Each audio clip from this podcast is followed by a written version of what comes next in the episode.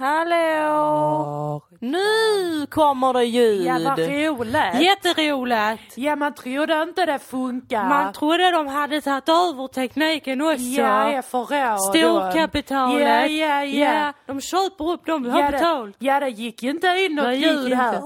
Men nu, det, Nu det, gör det det.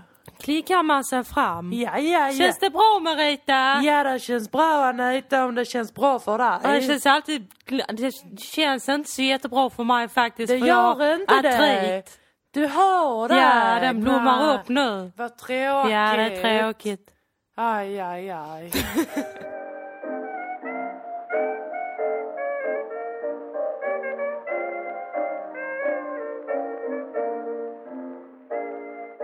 Hurra! Välkomna! Till Dilan och Moa. podcast. Idag spelar vi in podcast. Jag är helt trollad i hjärnan. Oj! För, ja, väldigt spännande. Ja. Låt mig berätta varför. Det är bara för att vi håller på att förinspela avsnitt nu. Precis, de här kommer komma några veckor efter vi spelar in dem. Det kommer vara otroligt inaktuellt när ni hör det. Ja, så därför får vi göra väldigt tidlösa avsnitt Just det. om livet. Vad synd att vi båda har reagerat på en pågående kulturdebatt. Och det är så himla synd att vi har blivit så otroligt eh, moderna. Att vi blev så aktuella. Av, eh, ja, vi blev så aktuella på grund av att vi köpte ett gemensamt konto på DN. Ja, Jag har stängt av det nu. jaså? Mm. Nej! Jo, så att det kanske blir ändå sista gången vi har läst något Det på kanske är DN. lika bra för att jag det. kände mig smutsig på ett sätt. Ja, alltså det är ju lite... När jag insåg att jag har, jag har sugits in Ja. i en kulturdebatt. Nej, det är Jag tycker inte att det är fult kul. och äckligt. Ja. Och jag tycker att det är lite skamligt att man ska behöva betala för en kulturdebatt. Det är fel. För att kulturen angår oss alla. Ja, och den riktiga kulturen händer som vanligt i Malmö. Ja, så är det ju alltid. När vi säger olika, olika stand-ups och poddar som säger olika groteska saker om samhället så är det kulturdebatt och inte alla de här människorna som håller på på DN och vad det än nu är. Nej, precis. För jag vet precis. inte ens, alltså jag vet inte egentligen vad en kulturdebatt är. Jag vet inte heller, jag bara sa så för att det känns som att det är en sån. För det finns något som heter kultursidorna. Ja.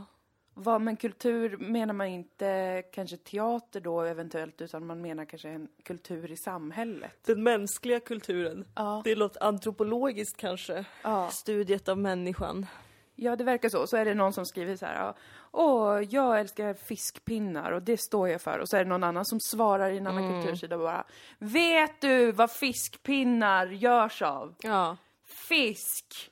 Och det är inte bra. Fiskpanetter däremot. Det tycker jag vi ska ha. Så Sen är det någon som bara vill ha crab sticks och den är helt störd. Den är på Göteborgs-Posten.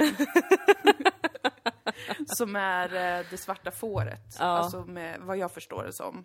Så är Göteborgs-Posten liksom verkligen det skitigaste skiten. Är det så? Även kanske sve- syd... Nej, inte Sydsvenskan. Sydsvenskan äger. Ja, jag älskar det tror jag vi alla Sydsvenskan. Mm. vet. Det är våran tidning. Här i Malmö och Skåne.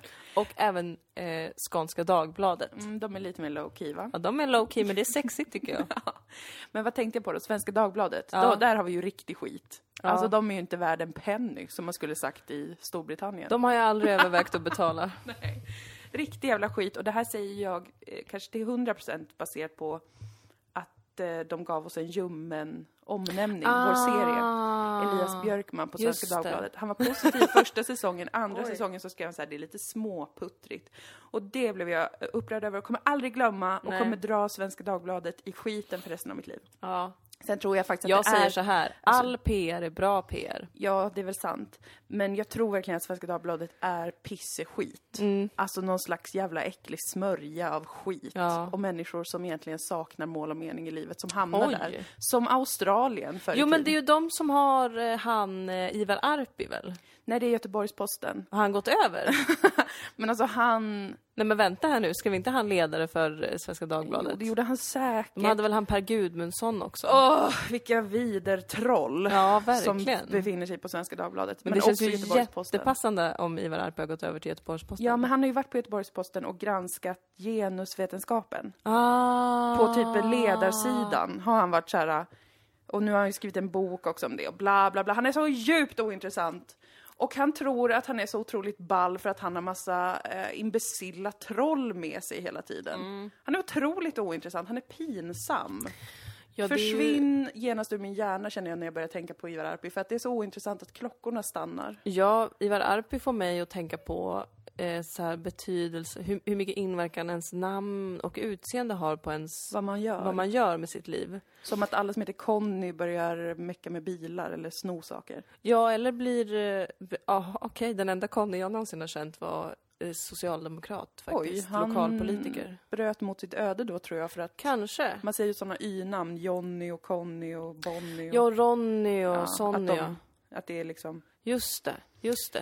Eh, och, Jo, men att man blir liksom en produkt av andras eh, fördomar om en ju. ja, Att jag heter Dilan. ja. Ehm, Det vet ingen vad man har för fördom om för det är så ovanligt namn. ja, här ja. Ja. Men i Kurdistan är det ju ett jävla vanligt namn. Ja, du, På killar. vanlig, i, du är en vanlig kille i Kurdistan. Hade jag vuxit upp i Kurdistan hade jag blivit en vanlig kille. Så det är ju ett sätt man kan göra Ivar Arpi till exempel om man inte vill eh, förvandlas, a, a, om det nu är samhället som förvandlar en Ja. utifrån ens utseende och namn. Om man inte vill förvandlas till en vildsint nazist. Mm. Flytta till Kurdistan då till exempel. Där hade du ju absolut inte varit en vanlig... Nej, nej. Alla hade tyckt att du var skitsexig där. Ja, det hade de garanterat. De hade varit så, du är så lång och speciell, stor och konstig. stark och ljus. Ja. De älskar sånt. Racist. Positiv racial, racial profiling. Racial appreciation. Yes! It's not racial oppression, it's, racial, appreciation. Ja men kära någon, vad lite jag vet ändå. Ja, jag om de vet, här tidningarnas jag vet inte förehavanden. heller något, men, men du märker ju att så fort jag har varit inne och sett något Ja. så, så känner jag ju bara, hur, hur kan någon tycka att det är intressant? Men är det en jag blir kultur... upprörd av det. Det kanske är bara en kultur vi inte förstår. Ja, Och på det sättet är det bra att man måste betala för de där kulturdebatterna. För det, det hade varit så tråkigt om alla hade behövt hänga med i dem. ja, Att det kanske är så att om du verkligen, verkligen tycker om det, då är det din stil och din, eh, vad säger man, din subkultur. ja, just det. Att hänga med i sådana debatter. Ja, men för att jag, jag kan säga att jag förstår att man kan njuta av det som man njuter av eh, reality-tv. Ja. Alltså olika folk som käftar med varandra om huruvida man ska, fan vet jag, eh, amma. Eller något annat som har med kvinnor att göra ofta. Ehm, eller genusvetenskap då. Det hade jag, alltså som en reality show hade jag förstått det. Och, men då skulle det behövas att de här personerna som skriver de här texterna var lite mer eh, speciella. Och kanske drog in liksom sina skilsmässor, sina egna trauman, blev mer personer så att man drar det hela vägen dit. Som reality. Walden. Ja, han tog ju in det ja. Det var bara att Precis. det var väldigt... Men på ett väldigt tråkigt juicy. tema. Ja, precis. Då hade jag liksom kunnat köpa att det är ett skådespel som man tittar på och skrattar Ja. och ibland relaterar till kanske. Ja. Men nu är det något mellanting. Men jag inte gillar med de här olika debatterna eller vad fan det ens är för något. Jag förstår inte vad det är. Vilka är de här Jag förstår inte personerna? heller riktigt vad det är. Är det någon som förstår det? Är det någon som läser, bryr sig? Jag har läst! Ja, nu har ju vi gjort det, men det har ju hänt på grund av att vi råkade skaffa DN. Och det var ju en, svag olycka. stund. Ja, det var såklart en olycka. Ingen människa har väl DN? Nej, nej, jo, ganska Jo, många tror jag. stockholmarna har DN. Det är de- ju också en Stockholmstidning, det måste vi komma ihåg. Ja, och jag har ju sagt detta förut. Stockholm är ju våran huvudstad också. Och därför Ja. angår allt som händer i Stockholm oss i allra högsta grad. Ja. Och det är min stad. Okej? Eh, det vill jag bara vara väldigt tydlig med. Absolut. Så vi får uttala oss hur mycket som helst om Stockholm och vara extremt dömande gällande Stockholm, för det är Ja. vår stad. Men det är väl bara människor i Stockholm som läser DN. Och då som vanligt med Stockholm så tror alla i Stockholm att eh, det är något väldigt spännande som händer och något väldigt aktuellt och intressant. Men det är bara att de är väldigt intresserade av varandra där. Eh, och, och liksom, det kan man ju förstå, som sagt som reality. Att man, att man blir indragen i det och man känner sig själv, alltså jag menar alla deltagare i Paradise Hotel känner sig ju så också. Att de är väldigt intresserade av varandra. Och att de tror att alla är intresserade av dem. Nu har de väl extremt mycket tittare i Paradise Hotel. Jag vet faktiskt inte. Jag tror ganska många ändå. Men Aha. kanske inte så jättemånga, men ganska många. Och då tänker de, gud alla är så otroligt intresserade av mig. Jag är en superstjärna som har superspännande tankar. Kommer du ihåg när det var ett feministiskt eh, statement att kolla på Paradise Hotel? Gud, vilken mardröm att vi har levt i den tiden. alltså, hur har vi ens överlevt, Ilan? Jag vet inte. Nej. Jag vet inte, men det är ju inte konstigt att vi båda i perioder är deprimerade och behöver psykologiskt stöd. Nej, men alltså, det att är överleva. väl den enda rimliga reaktionen på att Jag leva i det här det. samhället. Jag tror faktiskt det. Och då har vi det ändå bättre nu än någon kvinna någonsin har haft det i hela Absolut. världshistorien. Förutom kanske i några stammar i en Ja, djungel, där ja. de kanske haft det bättre. Där de har haft vad, vad vi idag kallar matriarkat, Ja. som egentligen bara är att det var ganska soft stämning. Precis, för det är inte de, jag tänker ju inte på dem där det är patriarkat fast matriarkat, för Nej, det, är, det är ju lika osoft. Men de där är mer sådär, ja, det är matriarkat fast på ett skönt sätt. Ja, De ställena tror jag varit kuligare att vara kvinna på. absolut. Men annars så har vi det ändå bättre än alla någonsin har haft det och ändå är det så uselt. Det är, det är, ett, det är ett ok att vara människa. Det är det. Det är det. Men jag tror, ehm, jag tror nog att man mår bäst av att aldrig läsa eh, sådana här debatter. Nej, jag vet, vi, vi hade ju en liten diskussion här på morgonen. Mm. Och jag vet inte om vi ska ens fullfölja den i podden. Det eh, kanske, alltså, det var ju, vi blev ju båda intresserade ändå av temat. För det är något vi pratar om ändå, en del. Ja, temat men också hur det hanterades. Ja. Alltså det, alltså, hur ska man sammanfatta det här då? Kommer ni ihåg när jag sa att jag hade läst en ledare av Lisa Magnusson och inte blivit så upprörd? Ja, jag kommer Ja. ihåg. Lyssnarna kan inte svara, men de minns. Då, och den handlade om, eh, ja, vad handlade den om då? Att hon är så här, jag är sexnegativ. Ja. För att ehm, det är så tråkigt med ytliga relationer hela tiden. Okej. Kan hålla med. Kan också Och- inte hålla med. Och så sa hon på typ, vilken fas i livet. p-pillret bara, nu alla proppar sig fulla med hormoner bara för att killar ska ha det skönt att knulla utan kondom. Mm, det kan vara skönare som kvinna också inte använda kondom. Det kan det vara. Jag flaggar bara in lite parenteser för Ja. att debatten. Ja, men jag minns inte exakt, det är lite pinsamt nu att jag inte minns exakt. Jag kanske måste ta fram det medan vi fortfarande har en prenumeration på, på Dagens Nyheter. Vilken sekund som helst är det här över. Alla lyssnare kan slappna av.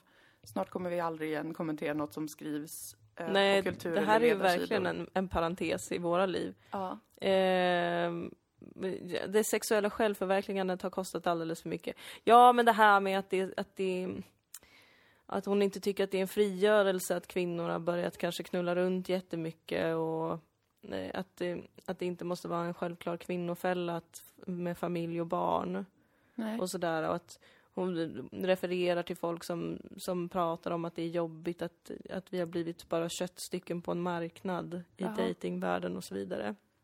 Ja. Och det är det ju många som säger. Mm. Så jag tyckte inte att det var så, Det var väl inte så upprörande.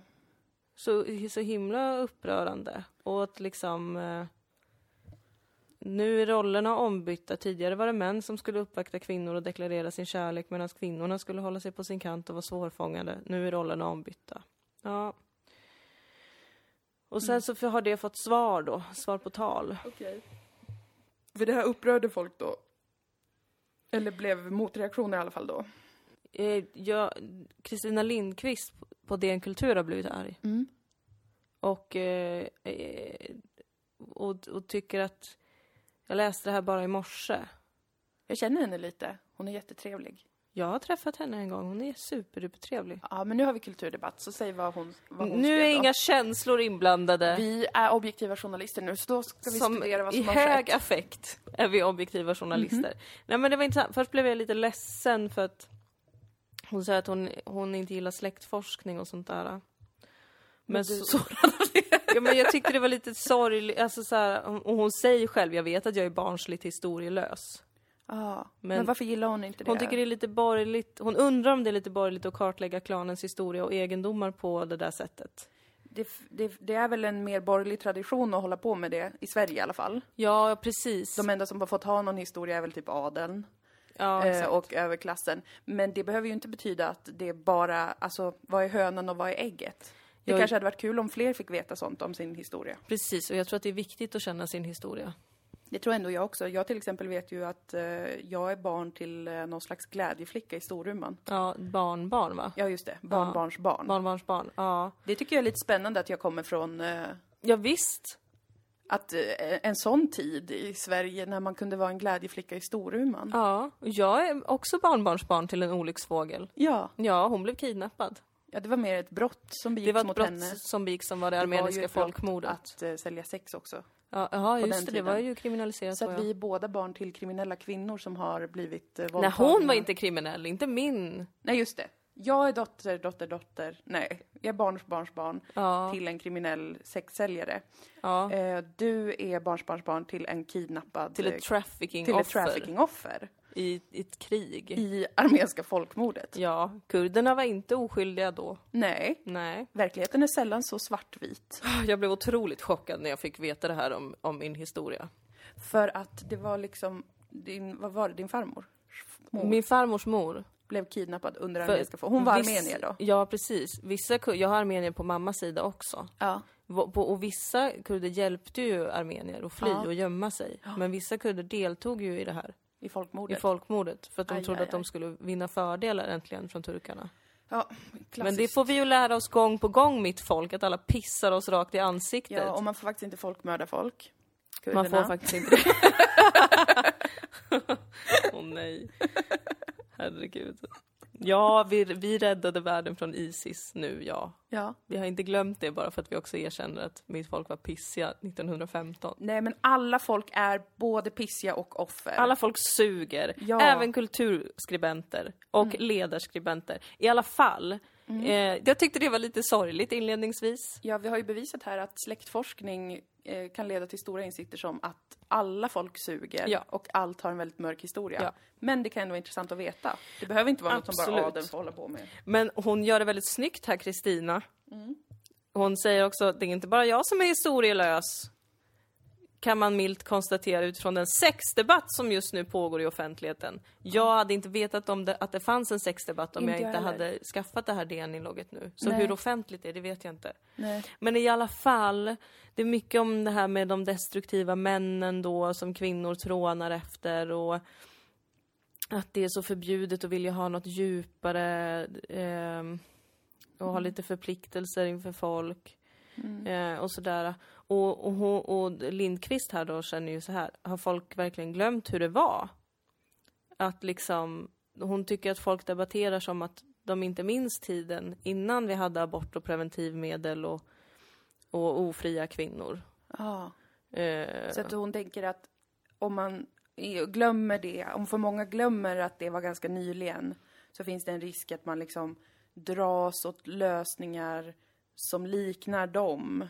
Alltså ofrihet och eh, att staten lägger sig i vad kvinnor ska och inte ska göra och leva och inte leva. ja, Fast det här är väl mer att kulturfolk vill prata om hur kvinnor ska leva och inte leva. Det är ju inte politiska förslag om att ta Nej, bort abort. det, det är det som stressar mig lite. För att hon, hon pratar ju också om att det, att det blir så himla värdekonservativt allting. Mm.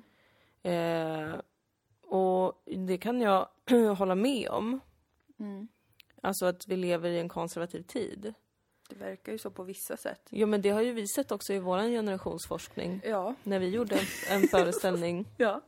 utifrån andras generationsforskning om 90-talister. Ja. Att vi ju är en ganska konservativ eh, generation. Ja, just det. Som vill gifta sig och bygga bo och, och inte knarkar och super och sånt där. Precis, men när vi gjorde den generationsforskningen så verkade det ju finnas ganska tydliga samband mellan eh, instabilitet, ekonomisk och Mm. politisk instabilitet och människors eh, söken efter trygghet och stabilitet i sina egna små liv. Ja. Som en grej, men det vet ju hon säkert också. Ja, och hon refererar också till någon forskare sådär. Mm. Någon sociolog som har sett att det, att det blir mer och mer familjer och sånt där. Mm. Men, ehm, och det är någon också, och det var en artikel jag inte kunde läsa för det var på Svenska Dagbladet. Mm. Men det är någon som minns, fantiserar ihop ett förflutet där det fanns ramar som skyddade kvinnor och tvingade män att ta ansvar för sin sexualitet. Gör du någon med barn, då får du vara beredd att gifta dig med henne eller möjligen köpa dig fri. Så ser det inte ut idag. Skriver då den här andra som jag inte har kunnat Jaha. Ja, nej, Men- jag tror det var jävligt skit på den tiden, förr i tiden alltså. Det var nog jätteskit på den tiden. Men jag tyckte mest att det var spännande att, att, det, att det har blivit så otroligt... ehm, jag vet inte, jag reagerade mest på den, eh, på den upprörda stämningen. Och att alla är så ledsna. Mm. Även Lisa Magnusson. Jag blir förvirrad av vad fan det är alla pratar om då, alla i det här eh, lilla gänget. Vi får kanske uppmuntra våra lyssnare också att gå in och läsa själva för att jag känner att jag har inte återgett det här bra alls. Jag tyckte det var ganska bra återgivet, men, men ska jag säga vad problemet är? Det är att det är för många olika saker på en gång som de då eh, allegedly debatterar. Ja, Alltså man måste ju renodla vad det är för att kunna ha en debatt. Pratar man om politiska beslut, pratar ja. man om människors värderingar Mm. som absolut hänger ihop med politiska beslut men som är någonting annat för det handlar inte om att man försöker då gen- det är ju inte, vad jag förstår vill ju inte Lisa Magnusson lagstifta bort eh, rätten till preventivmedel. Nej. Utan hon väl pratar om att det kanske inte bara var jättegött utan det är också massa skit med det. Vet du vad jag tycker är lite lustigt? Nej. Att eh, det är konservativa personer. Mm. Alltså jag tänker mig att en ledarskribent på DN är konservativ. De är väl liberal eller? Är liberal då. Ja, okej då. ens är, Men ja, alltså ja. högerfolk. Jag tycker det är lustigt att Mm. högerfolk som har varit så kära i den här valfriheten Mm. nu tycker att det är jättejobbigt att ha så mycket valfrihet. Ja, Är inte det lite ödets ironi? jo det är lite ödets ironi, det är människans ironi. Och då blir lite konservativa kanske och är lite så. Det kanske var lite bättre förr. Ja, det var bättre när man inte behövde välja allt ja men precis. Ja, jo men det är väl, eh, det är faktiskt lite ironiskt. Men jag tycker att det är så svårt för att det är så himla många olika grejer samtidigt. Alltså vad, vad är det någon pratar om? Eller är det bara att de liksom håller på med en sån här dans, att positionera sig mot varandra och för att skapa intresse för det man pratar om eller skapa liksom buzz eller någonting. Jag vet inte, jag fattar inte. Det är väl kanske den förvirringen som uppstår ibland när det privata blir politiskt. Snyggt. Och eh, du vet ju att jag tycker att det privata är politiskt. Ja. Vi har ju en sådan affisch. Jag blickar upp mot våran vägg. Mm. Ja, det privata är politiskt! En dansk affisch. En dansk affisch som jag köpte i Köpenhamn när vi var på någon sån, när jag var ny i Skåne. Mm. Så åkte vi till Köpenhamn Så och man köpte någon poster som jag absolut inte hade råd med, Nej. men som var cool. Coolt. Men också för att jag tycker att det privata är politiskt ofta. Jo men så är det ju för att det är ju symptom på politik som förs. Ja, vi är ju gruppvarelser. Mm. Men det kanske blir svårt också för att det är ju just också att det är, det är så personligt. Mm. Alltså att det blir så... Det blir så lätt kanske upptrissat och jobbigt för att det ju handlar om en själv. Mm. Och man har lite svårt att ha lite is i magen kanske. Jag Ja, vet inte. Det är ju väldigt lätt att känna sig hotad. Alltså jag kan ju verkligen känna mig hotad av ehm, när jag ehm, det här är ju anekdotisk bevisföring. Ja. Jag har ingen aning om vad det säger om samhället eller politiken eller något sånt. Men när jag eh, i mitt eget liv ser eh, bara olika Instagram-kvinnor som står med sin gravidmage och sin kille. Då blir jag hotad för att jag tycker det är så vidrigt tråkigt att be. Mm, Och då kan man ju tänka så här, sluta gå in på Instagram. Absolut. mm, Det är ju en lösning. För i, mitt, i min direkta närhet har jag ju bara eh, olika sköna människor. Även om de har barn ja, så är de ändå sköna och roliga personer. Så det är kanske bara ett problem på Instagram. Kanske. Men i alla fall, då kan jag känna mig hotad att så här, eh, om det här är så en extremt stark eh, norm Ja, så kommer det bli frowned upon att göra på andra sätt. Och jag vill inte göra på det där sättet. nej. Jag vill inte ha ett barn med min kille och bo med honom och lägga upp bilder på när jag är på smällen med honom. Mm. Jag vill dela mitt liv med fler personer. Jag vill leva mer kollektivt. Eh, inte på ett sånt läskigt 70-talssätt där alla går omkring nakna eh, och ligger med varandra i köket. Varför? Min enda referens är? Tillsammans, som jag såg kanske för 20 år sedan. Nej men du förstår, jag har liksom sådana värderingar i mitt lilla liv. Att jag Ja. tycker att det är eh, viktigt eh, också kanske att jag har lite liksom biologiska argument för det i mitt inre. Att jag tänker att liksom eh, trygghet och närhet behöver komma från flera håll för att man är ett eh, litet däggdjur, ett litet flockdjur. Mm. Eh, och att det är väldigt svårt och man mår alltid som sämst, eller enligt mina erfarenheter, när man känner sig ensam eller isolerad. Eller som att man inte kan få hjälp med saker. Och då, då leder det mig till att tänka, okej, men då vill jag bygga ett liv där jag kan dela mycket med andra. Och hjälpa andra och andra hjälper mig och man lever mer som en flock. Ja. Eh, och då är det klart, det är viktigt för mig. Det är jätteviktigt för mig. Och då kan jag ju såklart känna mig hotad om jag upplever att eh, det anses vara liksom eh, naivt eller dumt eller omöjligt för att det enda som går som kvinna och hetero är att leva med sin pojkvän och du får se när du får barn hur lätt det är att ha kvar en vän, typ den stämningen. Ja. Den hotar ju mig. Den gör ju mig defensiv för att jag känner, jag vet väl inte hur lätt eller svårt någonting kommer vara. Det kommer antagligen aldrig vara lätt. Mm. Men det är viktigt för mig. Och det är viktigt för mig att eh, få, få göra på de sätten. För jag tror att det är det bästa. För mig i alla fall. Och för mina sammanhang. Eh, så det är ju lätt att känna sig hotad då. Att det känns som att någon försöker, eller andra människor försöker eh, ta bort det från en. Mm. Fast rent faktiskt så kan ju ingen ta det i nuläget. Alltså om vi inte får en jättefascistoid regering, vilket i och för sig inte är omöjligt, men där man typ måste vara gift för att bo ihop. Jag vet inte vad fan som skulle kunna hända, vad som helst kan väl hända. men- Vad som helst kan hända. Nej, men det där är spännande tycker jag. Och det känns som att det är samma argument från alla håll. Ja, Alltså, och jag vet att jag själv har varit en liten bov i det här dramat. jaså? Ja, och varit väldigt kritisk mot folk som vill leva ett kärnfamiljsliv. Ja, just det. För att, för att eh, det är också en känsla av, tycker jag, eftersom att den normen fortfarande ju reigns supreme. Ja, Alltså kärnfamiljsnormen. Det kan man ju, det kan, alltså, det är det här jag menar blir så jävla svårt, för det är klart att jag upplever det så, du upplever det så, de flesta jag känner upplever det så, som att den äldre generationen och de som är mer traditionella i sin livsstil eh, tycker att man är LOL som försöker någonting annat. Men men jag tycker ju lika mycket att de är LOL. Precis, och då kan man få en känsla av att det är viktigt för mig att skrika ännu högre att jag tycker att ni är LOL. Precis. Ehm, för att försöka hävda att jag vet bäst för mig själv. Ja. Och jag vet då också bäst för dig egentligen. Du vill egentligen inte ha din kille och dina barn. Du vill egentligen ha det som jag och dela saker med dina vänner mycket mer. Men så är det ju inte nödvändigtvis. Nej, precis. Men det är det som är lite sorgligt någonstans. Eh, att vi alla är en del av. Att, eh, för att det har ju verkligen varit retoriken från eh, kärnfamiljsvurmarna. Att det är så konstigt och fel och ohållbart att göra på ett annat sätt. Eh, även liksom att, att vara monogam är det enda rätta, att vara poly är jättekonstigt och du kommer bara bli ledsen i slutändan och bla bla bla bla bla. Men att, att det nu har blivit samma språk lite från andra sidan kanske. Inte, jag, jag menar inte att det var så hon skrev i sin Nej. Krönika här, Kristina, för det tror jag inte att hon gjorde. Men eh, bara i allmänhet så har jag fått det intrycket. Att det är liksom samma, det är lite som vi också har pratat om med feminismen, att den har blivit ganska patriarkal ju. Att den bygger jättemycket idag på hierarkier, eh, ett ganska våldsamt språk, väldigt mycket fack, Väldigt mycket skammande ju. mycket skammande. Att man ska skämmas så mycket att man håller käften om man har eh, fel. Precis. Om man är ett hot mot demokratin, om man i sitt eget liv har vissa värderingar. Till. Mm. Vilket jag tycker är ganska patriarkalt. Mm. Ett Det är ju lite den stämningen ändå. Eh, och det är samma där, att det är, liksom, det är så barnsligt på något sätt.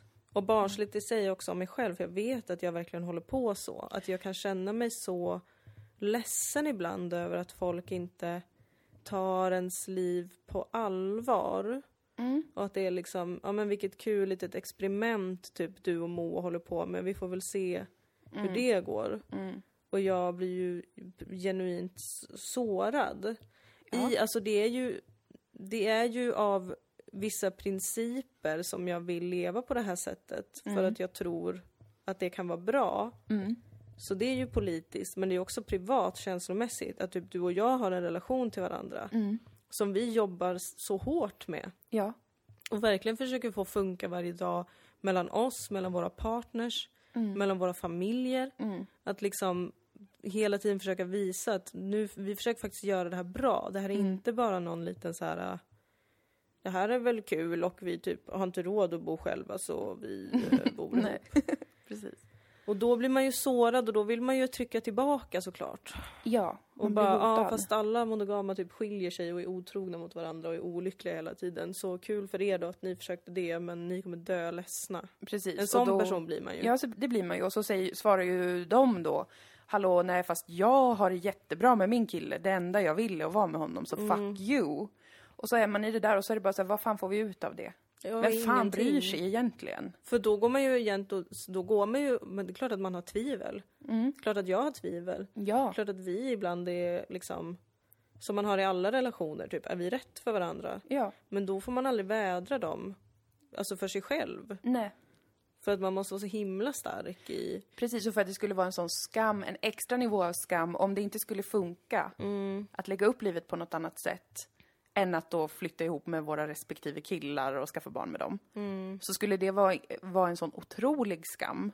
mm. Att det, jag, kan, jag kan se att ett sånt mönster skulle göra att man eh, i ett scenario där det blev dåligt ändå håller fast vid det. Mm, På grund av att man känner att jag måste bevisa någonting för andra. mm. Och då kör man ju över sig själv. Ja. Och det är ju vad kvinnor alltid gör. Och det är väl vad vi vill att kvinnor inte ska behöva göra hela tiden. Att åsidosätta det man känner, åsidosätta eh, vad som är viktigt för en, vad som gör en trygg, nöjd, glad på olika sätt. Det är ju det vi vill, tänker jag, ja. med feminism. Att fler, i förlängningen alla, Mm, ska kunna ha liksom ett gehör för sig själva och göra val i sina liv som, som leder dem till situationer som utvecklas, som blir bättre, inte blir olyckliga, deprimerade, isolerade, Mm. hamnar i destruktiva cirklar. Det vill man ju ändå. Det är ju kanske, det kanske är naivt. Nej, det är det inte. Det får man väl ändå vilja. Ja men det är väl en underbar utopi att de som vill leva i en kärnfamilj ska kunna ha de bästa förutsättningarna att göra det och de bästa förutsättningarna att ta sig ur det om man vill. Precis, för det, där tror jag det funkar på exakt samma sätt på det, på det an, i det andra typen av lifestyle som Mm. många ju kan vittna om eh, när man har en monogam heterosexuell relation då som tillhör verkligen normen för eh, hur saker och ting ska funka. Mm. Det ser utåt ut som att det är verkligen rimligt och att det då också blir en otrolig skam och ett misslyckande om man inte får det att hålla. Mm. Och som kan göra att människor blir kvar i situationer som i vissas fall blir jättedestruktiva, jättehemska. Ehm, och det vill man ju inte. Och kanske samma sak åt andra hållet också förmodligen. Alltså att man kanske lever kvar i en polyrelation till exempel fastän man blir sårad och kanske Ja, vill vara monogam eller upptäcker med tiden att man vill vara det. Mm. Det Ah. blir så himla trångt och det blir ett, liksom, eh, ett likriktat syfte Mm. för alla. Att alla ska, alla förhåller sig till de här olika förväntningarna baserat på var man befinner sig i samhället. Vilken klass, antar jag. Men att det liksom, att det primära man håller utkik för är, gör jag rätt? Ja, just det. Och inte, känns det rätt? Är det här bra för mig och de som är nära mig? Är jag en bra person för andra i, den- i det här livet som jag lever nu? Mm. För att om man mår dåligt och är isolerad och deprimerad och blir kanske utsatt för våld eller vad som hän, än kan hända, Mm. skit i relationer, så försvinner man ju Mm. när man mår dåligt. Ja. Så är det ju Så för de det allra ju. flesta. Och att det då är skamligt att eh, prata om det eller lämna det eller vädra tvivel eller vad det än är. Mm. Det är ju ett problem. Mm. Ett kulturproblem. Mm. Skammen. Snyggt. Skammen, ja. Den eviga skammen. Och att liksom, eh, om en annan människa säger så här, jag älskar att vara monogam och vara med min, bara med min kille och ha mina barn. Jag tror att det är det viktigaste i en människas liv. Mm. Fine, då tror du det. Och det funkar kanske för dig då. Om det slutar funka för dig så vill jag att du ska kunna säga, det här gick inte något bra. Mm. Men jag vill på samma sätt att om, om, om jag känner det i vår relation till exempel, i hur jag lever mitt liv, så vill jag inte att det ska vara ett nederlag för människor att gå igenom olika sådana faser i sina relationer, i sina liv. Mm. För det är så himla konstigt att skammen får reign supreme Ja. och hålla folk i sånt satans järngrepp. Det leder ju till skit. Ja, och... Och att det också inte får problematiseras, typ. Alltså...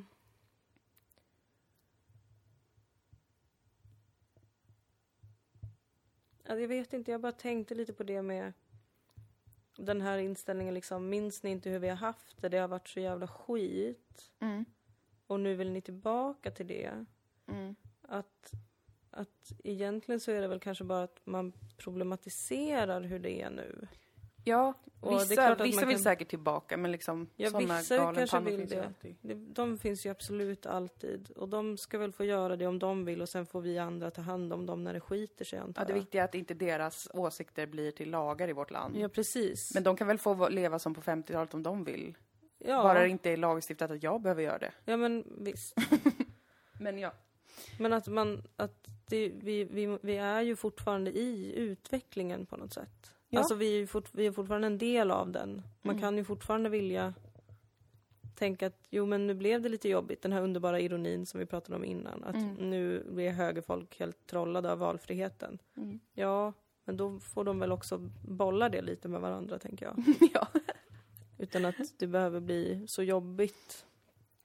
Eller Ja. att det behöver bli så ilske. Jag tror mest att det är den här ilskenheten jag har problem med egentligen, inte att diskussionen pågår. Nej. Sen kan jag också lite få en känsla av att vad mycket vi kvinnor pratar om vad vi håller på med ändå. Ja, och det är väl kanske bra, men man hade ju, eller jag hade önskat att det var mindre knutet till skam Mm. och skammande. För att om man också tänker då på historien, Mm. kvinnors historia, bara i Sverige. Ehm, hur mycket skam har styrt deras liv. Mm. Utöver de faktiska då, den faktiska poli- politiken som har varit helt sinnessjuk. Mm. Så också väldigt många som har liksom levt sina liv utan att prata om saker. Utan att eh, få hjälp med det som är svårt. För att man är rädd att man har gjort fel. För att man är fel. Eh, för att man inte har varit en bra fru eller man har inte varit en bra mamma. Man klarar inte saker som man tänker att man borde klara. Alltså så mycket, så många livsöden som har påverkats av en extrem rädsla och en extrem skam. Och då menar jag som sagt utöver det faktiska typ lagstiftade som man inte har kunnat göra någonting åt på länge. Alltså innan, att man typ inte fick rösta menar jag. Det sög ju bara oss. Ja, men de hänger väl ihop. Det är väl också de typerna av lagstiftning som föder skam. Precis, och att det finns, ehm, det, det finns ju i alla människor, i alla tider, att man är rädd att avvika. Och man är rädd att bli liksom, ehm, att vara fel. Och därmed inte kunna leva och göra saker som man vill och behöver. Men, men är det något som jag önskar för alla kvinnor och män så är det ju att få leva friare från rädslan för skam. För det gör så mycket saker med folk. Det gör så mycket saker med en själv som inte är kul. Alltså min mamma berättade, det tänkte jag på på det här temat. För jag frågade henne om hur hennes förlossning hade varit. Hon har fött fyra barn. Och då berättade hon, hon fick sitt första barn på 70-talet och var med i liksom den här eh, progressiva feministiska 70-talsstämningen då, 68-gruppen, allt det här. Eh, och det var också en tid då feminismen ehm, blomstrade på sitt lilla sätt. Eller ganska stora sätt. Men eh, hon berättade då att när hon fick sitt första barn så visste inte hon att man också föder ut moderkakan efter. Så hon hade fått panik när hon efter att ha fött sitt barn fick en Ja. jättekraftig värk. För hon hade ingen aning om att det kommer en efterbörd. Vad spännande att ingen har sagt det till henne. Ingen hade sagt det. Hon är också obs gift med en läkare och var det at the time. Men ingen hade pratat om det. Ja. Och så sa hon så här. Så det var ju liksom läskigt. Och typ, eh, men så var lite stämningen på 70-talet. Att det skulle inte vara någon stor grej med barn. Ja. Att eh, ja, man föder några barn, de får typ följa med på jobbet och de, eh, det ska inte vara liksom ett Mm. stort choseri kring det. Var det då inom den här eh, traditionen, ideologin som Ja. de befann sig i. Och det tyckte jag också var en sån, så här, då var det en jättestark norm för i det sammanhang hon befann sig i. Att man skulle inte göra en stor grej av att man var kanske gravid och fick ett barn. Mm. Man skulle vara skön kring det. Eh, och inte hålla på och sjosa upp det och prata om det hela tiden. Av skäl som att det kanske är då eh, av feministiska skäl. Mm. Typ att det ska inte påverka en kvinna så Just. mycket. Det ska inte påverka din karriär, det ska inte påverka för mycket. Du ska inte behöva uppoffra det som är viktigt för dig för att du får barn. Du ska kunna göra saker samtidigt. Eh, men att det det gick utöver var ju då primärt kvinnor som då kanske inte kunde, vågade prata om att det var jättejobbigt att föda ett barn, man visste inte saker, man kanske fick förlossningsskador, man kanske fick förlossningsdepression. Vissa var kanske, blev väl säkerligen helt hormonellt eh, psykade och bara ville vara med sin bebis men kände ändå att de måste gå och typ eh, göra sitt jobb. Mm. För att annars är det pinsamt. Annars är man en dålig eh, feminist och kvinna. Mm. Om man är hemma och är så här, men jag vill bara vara med mitt barn, vad fan tror ni? Då är det pinsamt. Mm. Och alltså det liksom visar ju som hur, hur jävla snabbt det går för sådana där regler att sättas upp. Och Mm. hur den det går ut över är ju då den kvinnan, Mm. de kvinnorna. För att det är ju skitbra om man känner så när man har fått ett barn att typ, jag vill kunna gå och jobba. Jag vill jättegärna att någon annan tar hand om den här bebisen. Eller vad det nu kan vara. Då är det klart att fine, det är väl jättebra om du kan ha möjlighet att göra det. Att inte alla står och typ tvingar dig att vara hemma och amma hela tiden. Om du inte vill det. Så ska du inte behöva vara en hemmafru. För det var ju det som var 70-talets mardröm. Just det. Med hemmafruar och det. Det var ju så mycket det man gjorde revolt mot. Och jag förstår att det kan vara det. chockerande att det börjar bli inne igen. Ja, Det, det kan jag verkligen förstå, att man kan bli så här: what the fuck? Precis. Det där var ett jävla skithelvete som vi jobbade bort för er skull. För att ni inte Exakt. skulle behöva vara slavar i hemmet som du blev slagna av era män. Och bara sitta hemma med en bebis resten av livet så fort man har Ja, och aldrig kan komma tillbaka ut i arbetslivet för att ingen premierar någon som har varit borta. Exakt. Och för det, det fattar man ju verkligen bara, men gud vad hemskt det var innan det då också. Ja. Att eh, de som kände då, men jag vill inte bara vara hemma hela mitt liv med spädbarn, men det finns inga andra alternativ. Men det är det här som jag tror blir lite ett missförstånd i också kanske hur den yngre generationen pratar om sig själva. Alltså och kallar sig själva traditionella och sådär fastän de verkligen inte är det. Nej. Det var ju som när vi pratade i morse så tog jag upp ett exempel med en vän jag har som kallar sig traditionell. Mm. Eh, och gärna vill ha en heterosexuell relation Mm. där, man får, där en man får vara en man och en kvinna får vara en kvinna typ. Eh, och liksom pratar så, fast jag som känner den här personen vet att typ du är extremt progressiv och flummig och super out there och folk som är traditionella och konservativa på riktigt hade typ spottat på dig. Men att man ändå använder de orden för att kanske egentligen signalera vad man vill ha i en monogam relation. Mm. Typ att jag vill gärna ta hand om vissa saker, kanske mer ta hand om barn och sånt där.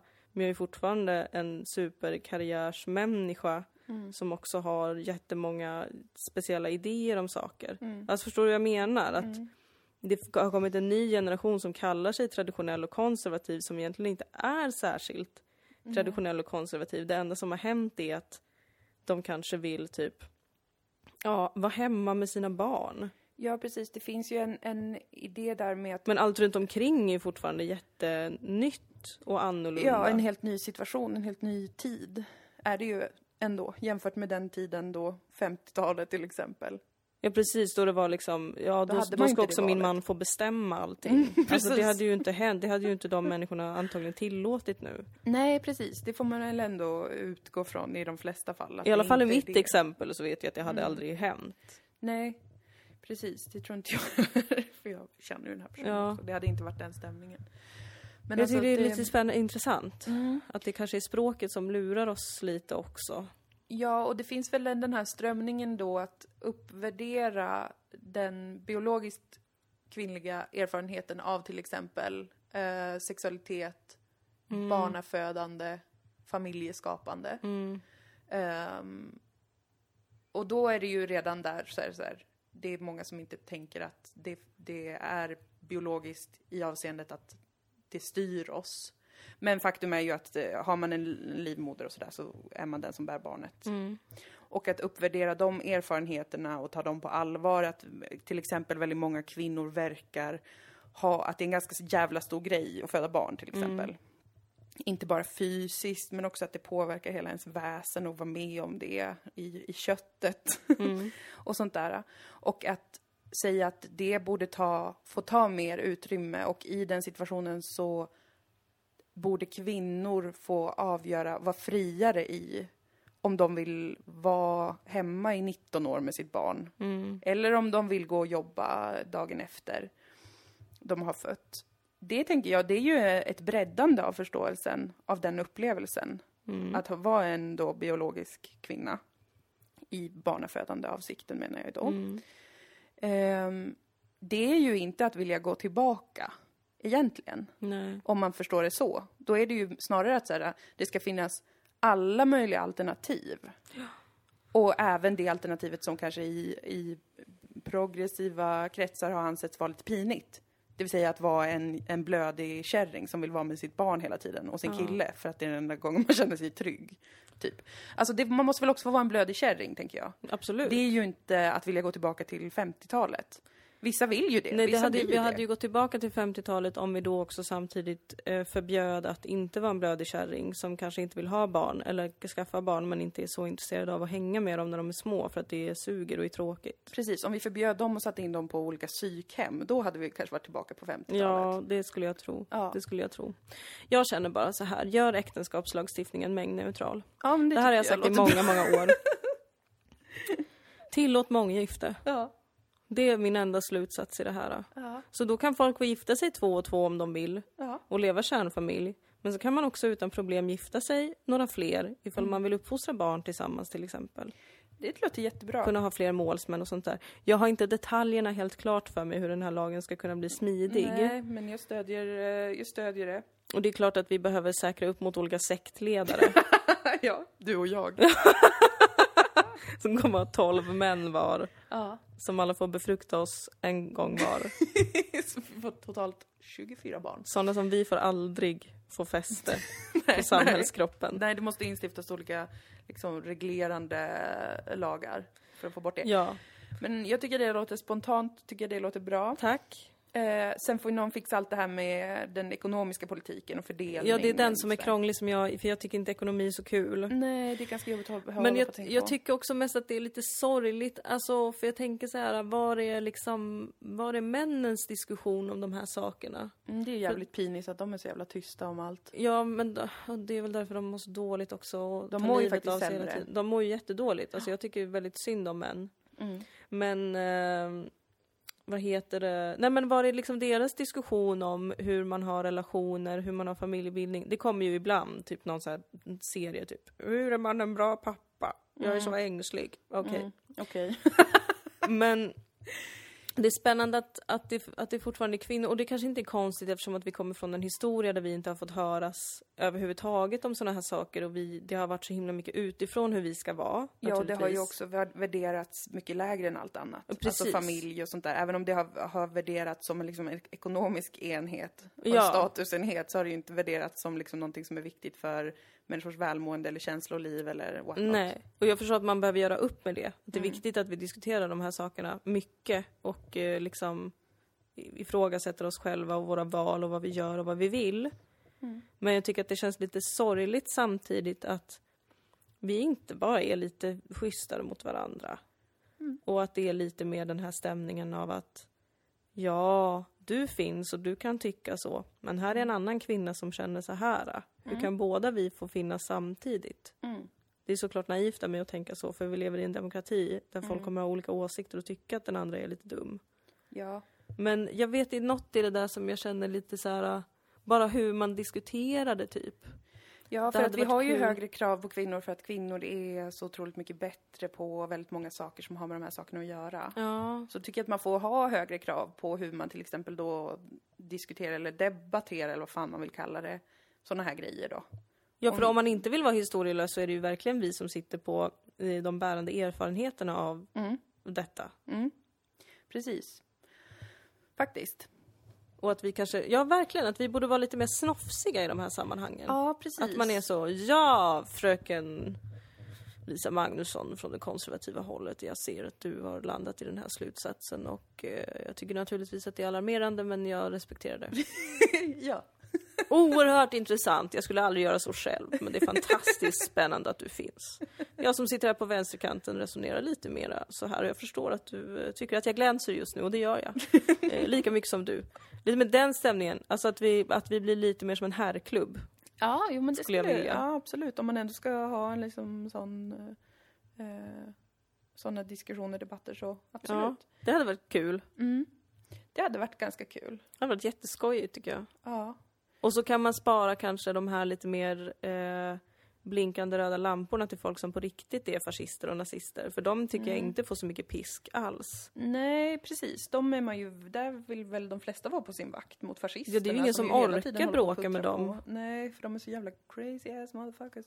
Men något jag, som jag också tänkte på nu, som en parentes kanske eventuellt. Men när det sägs så här att, eh, som det var, stod i den där krönikaartikeln, Mm. att eh, folk bildar fler och fler familjer och att det är en Ja. traditionssökande generation. Mm. Det skapas väl, as we tweet, flera tusentals familjer som inte tillhör en traditionell familjebildning, men där människor skaffar barn tillsammans, eller som ensamstående, Mm. ehm, eller som gaypar tillsammans med ett annat par. Vi har ju spermabrist. Det är så många ensamma kvinnor som eh, vill, eh, då, vill eh, göra barn själv. som vill skaffa ett barn. Alltså jag menar, det, det, det kanske då... Den, den här grejen med att det är mer, fler och fler människor som bildar familjer. Det behöver ju inte betyda att de familjebildningarna är traditionella. Eller? För att man måste ju ändå räkna in liksom, alltså så här, okej, alla nu eh, skaffar barn. Ja, men så här och så här många skaffar barn typ själva eller i en helt annan konstellation. Jag vet faktiskt inte. De kan ju inte som är- räkna inte med dem när Mm. de kollar på liksom hur många som håller på med att ingå partnerskap och skaffa barn och sånt där. Ja, fast de kollar säkert på sånt tror jag. Ja. För det är något jag tänker på, göra. det, det blir ju vanligare och vanligare och vanligare. Ja. Det är ju inte, det är inte så att det blir mer och mer sällsynt med att människor skaffar eh, familjer, bildar familjer på andra sätt än via två heteros som ligger med varandra och får barn. Ja. Det, blir, det, det måste bli vanligare för att det är ju ganska nyligen blivit lagligt för ensamstående Mm. att skaffa barn själva. ja, och där kommer det också komma en debatt snart, är jag övertygad om. Mm. Med baksidan av det. Och Ja, de negativa effekterna allt. av det. Precis, för det Mm. finns det med allt. Mm. Och det måste vi ju också kunna prata om. Mm. Har jag blivit Faktiskt. konservativ? Nej, det tror jag verkligen inte. Alltså jag menar, Jag undrar jag. jag menar, vi pratar ju jättemycket om eh, familj i alla olika avseenden. Ja. För att det är en viktig del av livet. Och då menar inte jag familj som är bara blodsfamilj, men i hur man eh, hur man lägger upp, hur man jobbar med och kämpar för att ha relationer som fungerar, Mm. tänker på barn, hur ska det bli? Alltså det är ju, det kan ju inte rimligtvis vara konservativt. Vad skulle alternativet vara? Att man bara är en ensam vagabond som aldrig tänker på familj överhuvudtaget i något avseende. Det är Det är väl väldigt min- få som är. Drömbilden av mig själv. Ja, ju just exakt det. Du har ju snusmumriken som drömbild. Ja. Och det respekterar jag. Jag går söderut när vintern kommer. och ingen vet vart jag har tagit vägen, men jag kommer alltid tillbaka. Ja, Och softar. jag respekterar den självbilden. Tack. Men jag vill också flika in att du är en otrolig family man. Ja. Ja, men det är jag. Det är jag. Du- den verkliga bilden av mig är att jag är en otrolig family man. Ja, men the, the two shall perhaps fusion together. Det är det jag verkligen As skulle önska mig att det var möjligt. Men då Mm. måste samhället i övrigt sluta vara så polariserat för min skull. För jag skulle vilja vara båda de här sidorna. Både den som vill vara otroligt frigjord och leva mitt eget självständiga liv. Men Mm. också kunna ha djupa meningsfulla relationer som jag känner är byggda på lojalitet. Ja, jag tycker att man ska få ha lite av varje, allt möjligt. Ja, Och jag tycker inte att man ska eh, behöva känna skam för varken det ena eller det andra. För att ju fler människor som hittar fram till hur de mår bra, desto fler människor kommer vara bra för sin omgivning. ja. Eh, är det här buddhism? Jag vet inte. Men den här gamla teorin om att om du inte kan älska dig själv kan du inte älska någon annan. Nej men det är precis. Det är Och väldigt tråkigt med att bara, om man bara försöker liksom, eh, ha massa principer som ska göra att människor ska leva på det ena eller andra sättet. Så visar det sig att alla bara är eh, tysta av skam och hatar sina liv och Mm. blir isolerade och aldrig pratar med andra om någonting och blir ensamma. Det är ju Mm. det sämsta tänkbara, tycker jag. Det så att det bästa tänkbara är att alla får göra liksom på massa olika sätt och lyssna på hur andra gör, lära sig av varandra, bla bla bla. Det här är en utopi. Och då kan de också bli bättre för sina familjer, för sina barn, för sina partners, för sina vänner.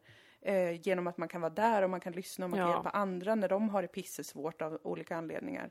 Och sen får väl vi ta ett personligt ansvar för att kanske inte vara inne på internet för mycket Absolut. Och vi under kommer, de närmaste åren. Vi för kommer att, inte fortsätta prenumerera på DN som sagt, det är redan uppsagt. Ja, och jag känner att jag har hamnat i en ond spiral med de här gravidbilderna. Ja, jag tror att det är liksom, man råkar klicka på Elsa Hosks gravidbild Ja. och sen får man upp nio miljoner till olika supermodeller som är gravida. Precis, och jag orkar inte mer. Nej, det är verkligen det kanske tråkigaste och ändå liksom provocerande. Jag vet, jag vet inte varför. Jo, jag vet varför. Bara för att det är tråkigt, jag vill inte se det. Nej, precis, men jag, det är ändå, jag klickar ändå på det. Man gör ju Så jag det. förstår att här behövs det något slags eh, självdisciplin, självkontroll. Att jag får inte gå in, för jag vet att jag kommer se en till artikel om bebislycka hos den här personen. Ja, alltså är Då kommer jag klicka tyvärr. Ja, men vi får aldrig mer gå in på utforskarflödet. Nej, Idé men- till app. Jag är ju inte inne på Instagram. Nej, Allt det här det. händer på Facebook. Just det, Facebook har lyckats snärja dig. Är Facebook har snärjt mig så jävla hårt. Det händer Alltså, absolut inget på jag min är Facebook. dagligen inne på de här hemsidorna. L. Må bra. Bam! Och Nej. eh, något mer. Nej, det är för tråkigt. För det är de, de, de sakerna dyker upp i mitt flöde. Ja. Och så klickar jag på dem ju. Aj, aj, aj, aj. Nej, det måste få ett slut. Jag hade, fick en idé till en app. Aha. Eh, en sån här blockeringsapp för utforskarflödet på Instagram. Aha. Ett tillägg man fixar till sin app som man bara... Man kan aldrig gå in på utforskarflödet, för jag Nej. vill aldrig det. Alltså jag gör verkligen bara det av sån dum slentrian fåraktighet. Men alltså jag kommer ihåg att det fanns en sån här sak på Instagram. Som var att man kunde kolla, man kollade sina egna notifikationer. Men sen så fanns det en flik där man också kunde kolla vad andra har gjort. Ja, Eh, Den här har likat så här många bilder ja idag. just ja. Och den tog de bort sen. Bra. Och det undrade jag, tog de bort den för att folk fick total psykos av det? Kanske. Eller var det för att folk inte använde det så mycket kanske? Men jag tror att folk använder det ganska Det mycket. tror jag också, men jag tror kanske att det blir någon sån privacy issue, eller? Jaha, kanske. Det För de känns borde ju så. bara göra samma sak med utforskarflödet. Ja, bara att man kan stänga av det. Ja, precis. Det hade varit jätteskönt, för att det är verkligen en sån irriterande fälla. Verkligen. Som, som kan generera en känsla av att saker är mycket mer eller mycket intensivare eller mycket större än vad de faktiskt är. Alltså jag menar, jag bryr mig väl inte hur många som får barn. Det är väl kul för dem. Det kanske är det som har hänt oss nu med den här kulturdebatten. Ja. Som jag tror att vi, jag tror vi har glidit ifrån den lite. Om Ja. jag ska vara ärlig. Ja. Men ändå att den blev så stark för oss. Ja. Det kanske bara är internets fel. Det kan vara internets fel, men jag vill ändå säga att det var lite, alltså jag blev ändå lite intresserad av temat och sånt där eftersom att eh, jag och du pratar om de sakerna i vår vardag. Eftersom att vi är kvinnor som snart är i 30-årsåldern. Eh, allt sånt där är ganska aktuellt med hur fan ska det bli? Ska man få barn? Hur? Var? När? Hur ska det gå till? Hur ska livet se ut i så fall? Man funderar på det. Vad hände med oss då? Vad händer med oss då? Vad händer med andra relationer? Det är en jättestor grej Ja. av livet, tänker jag. Det- och att det är det är rimligt det. att det är det. För att man ska potentiellt inom de kommande tio åren genomgå en alien explosion och celldela sig. Om det ens går, om man inte är infertil eller någonting Mm. annat. Så kan det också vara. Men jag menar, om det skulle gå så står man inför en, en alien-upplevelse där man celldelar sig själv tillsammans med en annan person och föder ut en ny människa. Alltså det är hur jävla sjukt som helst. Varför skulle det inte ta upp mycket av ens tid? Och varför skulle man inte bli påverkad av då vad andra människor tänker, tycker och säger? Det blir man ju. Ja, Så att just det här temat kanske ändå var, det är något vi har pratat om också i alla år. nu börjar jag längta tillbaka till Till 70-talet. 70-talet. Vad skönt att det inte var en grej. Ja, det tyckte jag också lät jätteskönt, men sen tyckte jag det lät lite mindre skönt att liksom ligga i förlossningssängen, få en verk och tro att man ska föda ett till barn för att ingen har sagt till en, du kommer också föda ut moderkakan. Mm, det låter lite ensamt och jobbigt. Det låter också. tycker jag jättejobbigt. Men Ja. om man kunde få den här grejen, det är inte så himla stor grej, ploppa ut en unge fast samtidigt få jättebra information, vård, eh, eftervård, eh, Och ha väldigt mycket stöd omkring sig. Ja, då hade det varit skönt. Mm, Att det inte var så jävla stor grej, bara nu ska lilla Leonard födas och vi har ett gender reveal party. Alltså hela den där vägen är fruktansvärd. Men som sagt, det är ju bara på internet. Så det kan man verkligen bara sluta Ja, men det är ju också notera. folks verkliga liv. Ja, men det är folk som man aldrig någonsin kommer umgås med. Nej, det är alltså sant. de kan väl göra det, vem fan bryr sig? Det kan de väl göra. Det kan de väl göra. Det kan de faktiskt få göra. Eh, jag tyckte det var roligt att vi kom på, för jag såg klart Buffy igår. Åh, men gud. var Så mycket som behöver komma ut här. Ja, men det kan vi prata om i ett annat avsnitt. Men- Förlåt eh, Kristina Lindqvist och Lisa Magnusson om eh, jag har felciterat er eller feltolkat er. Man kan väl se det som att eh, tack för att ni skriver och, och kör på, men det där var mer en katalysator för ett samtal som vi ändå har och har haft och eh, ville fortsätta prata om. Precis, ta inte åt er av det här. Nej, sen att vi båda två verkligen, verkligen hatar olika sådana eh, tidningar och sånt, det är ju inte ert fel. Det är absolut inte ert fel. I kvinnokklubben Dilan och Moa säger vi så här. Bra att ni finns. Jättebra. Tankeväckande. Kör på. Alltså jag är seriös nu. Ja, men jag med, det väckte såklart. ju tankar hos oss att båda de här kvinnorna existerar och skriver saker. Ja, absolut. Men jag kommer Absolut. aldrig dö för din rätt att göra det. Nej, det tycker jag faktiskt är en överdrift. v- eh, vad eh, skulle du säga om Buffy? Jo, jag skulle bara säga det att jag såg klart det igår. Jo, det var en så rolig tanke att eh, vi skulle ha en gravid photoshoot där den gravida klär ut sig till det här enorma feta slobbmonstret som hon träffar i, som Buffy stöter på i, en, i ett avsnitt. Som är liksom en enorm inoljad fettklump som sitter i ett badkar och har röda ögon och Ja. huggtänder. Det hade varit Då jättekul. tänkte jag bara, fy fan, det hade ändå varit en photoshoot jag vill se. Att Ja. den som är gravid har liksom eh, klätt ut sig till den och sitter i ett badkar Mm. Och är oljig. Och sen står Buffy bredvid. Jag vill, se, jag vill se det hända. jag Om- kanske blir om- gravid nu bara för att få göra det. Ja, och då får jag acceptera dig. Då kan du ändå se fram emot den grejen. Faktiskt. Photoshooten. Ja, exakt. Sen kommer jag oroa mig över hur, hur, att du kommer föda i trappen. Ja, det är jättejobbigt att vi bor fem trappor upp utan hiss. Det, det, jag vet inte ens om jag vill ha barn. Nej. Men jag tänker på det flera gånger i veckan. Tänk om man skulle vara gravid nu fy fan och gå alltså. upp för de här trapporna. Vi skaffar en sån här pensionärshiss i så fall. som man sitter och åker ner jättelångsamt i. Det är en jättebra idé. Det är bra. Mm. Skönt att vi kunde lösa det. Jätteskönt. Eh, Jag håller på att kissa på mig, Ja, så jag tror att vi ska avrunda kanske. Det ska vi. Vilket härligt avsnitt. Riktigt härligt. Tankeväckande. Ja. Två kvinnor skrev, två andra kvinnor diskuterade. Ja, Många, fler. kvinnor lyssnar, men också män. Ja, och nu är det er tur män att börja prata om allt sånt här oavsett era drömmar, mål, eh, eran sexualitet, allt sånt. Det spelar ingen roll. Jag slutar skämmas så mycket för att män är också oerhört tyngda av skam. Alla skäms hela tiden. Det är, Och det är inte så himla pinsamt att ni har känslor. Nej, det är det inte. Eller är osäkra. Vilja, människor är komplexa varelser, man kan vilja flera saker samtidigt. Ja. Ehm, Och så det är bara skönt för oss om ni är lite konstiga ibland. Ja, absolut. Och känslosamma. Ja. Jag vet ju att ni är det. Ja, det är ju alla. Mer eller mindre skillade bara på att prata om det. Vad heteronormativt det blev, eller? Nej, men jag sa ju män oavsett sexualitet. Ja, ju, nej, jag tänkte mer på mig själv. Jaha. Varför var du heteronormativ? Jag vet inte, det kändes så bara. Nej, jag tycker inte det. Nej, Eller jag menar, ingen av oss är väl... Ja, skitsamma. Det är ingen fara.